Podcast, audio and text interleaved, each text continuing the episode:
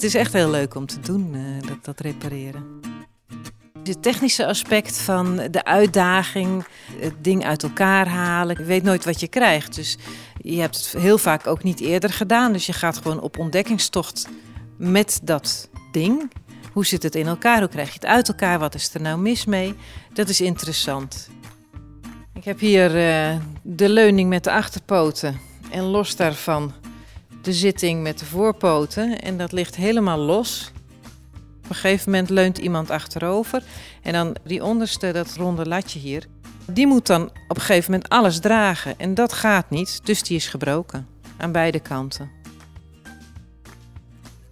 Die bovenste regel met die platte verbinding door de uh, achterpoot, dat ga ik een klein beetje schuren zodat de lijmresten eraf zijn. En dan uh, lijm ik dat opnieuw. Maar hieronder, daar is het echt gebroken.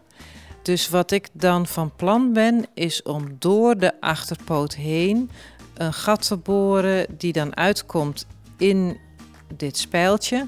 En dan daar een nieuw houtje dwars doorheen te zetten die die uh, verbinding weer herstelt. Nou ja, ik ben meubelmaker geworden omdat ik, omdat ik hout gewoon heel erg mooi materiaal vind. Elk stuk hout is weer anders.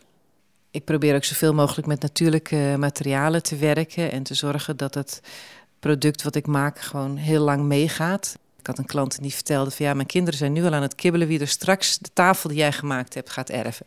Kijk, dat vind ik nou mooi. Uh, bij een heleboel reparatiedingen zeggen ze wel van vroeger was alles beter. Want toen hadden ze gewone schroeven, niet allemaal van die gekken en zo. Maar we hebben tegenwoordig wel veel betere lijm dan vroeger. Uh, vroeger gebruikten ze beenderlijm en, en lijm die gemaakt was van de huiden van konijnen en zo. Die lijm bedierf gewoon op een gegeven moment. Dus dan zie je dat veel oude meubels, die vallen op den duur uit elkaar. Ja, zie je, dan komt daar ook de lijm uitgekropen. En dan weet je dat alles zo strak mogelijk op zijn plek zit.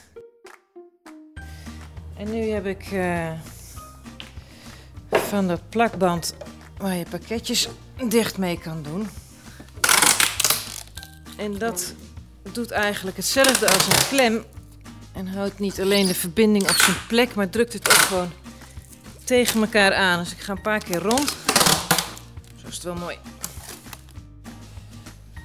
En daarmee zit hij in principe in elkaar. Alleen waar die spijltjes afgebroken zijn, daar is het natuurlijk nou toch wel zwak. En om dat te versterken had ik gedacht om er een gat doorheen te boren en daar een rond houtje in te zetten. En er is dus een risico dat ik scheef boor en dan uh, hebben we een probleem. Er is altijd een risico dat uh, door het repareren iets stuk gaat wat eerst niet stuk was. Nou is het met deze stoel net zoals bij veel andere dingen. Zoals die binnenkwam, kon je hem zeker niet gebruiken. Dus als het misgaat, hebben we niks verloren.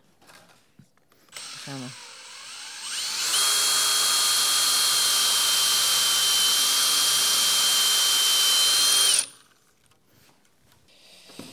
Even kijken, dus ik heb ongeveer 55 mm diep geboord.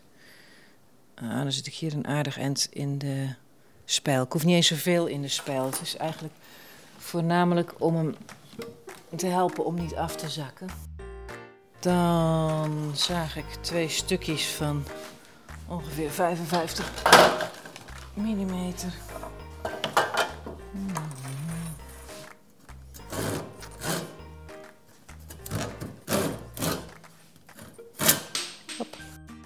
Maak ik er even een beetje een puntje aan, zodat hij er lekker in wil. De techniek die ik nu gebruik is eigenlijk een stokoude techniek. Eigenlijk is dit een deuvel die ik aan het maken ben. En de, uh, hele oude meubels, volgens mij zelfs de Romeinen hadden al uh, deuvels. Je hebt aan de ene kant moderne machines, maar aan de andere kant technieken die gewoon stokoud zijn en die nog, nog steeds voldoen. Gewoon. Zijn gewoon goed. Alleen in het gaatje. Komt u maar. Draai hem een beetje en dan neemt hij de lijm lekker mee naar binnen.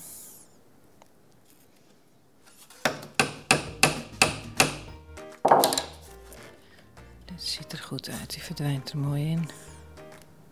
Hopla. Zet uh, die oom van 120 kilo op een andere stoel. Maar voor gewoon rustig gebruik moet hij nu wel weer gewoon mee kunnen.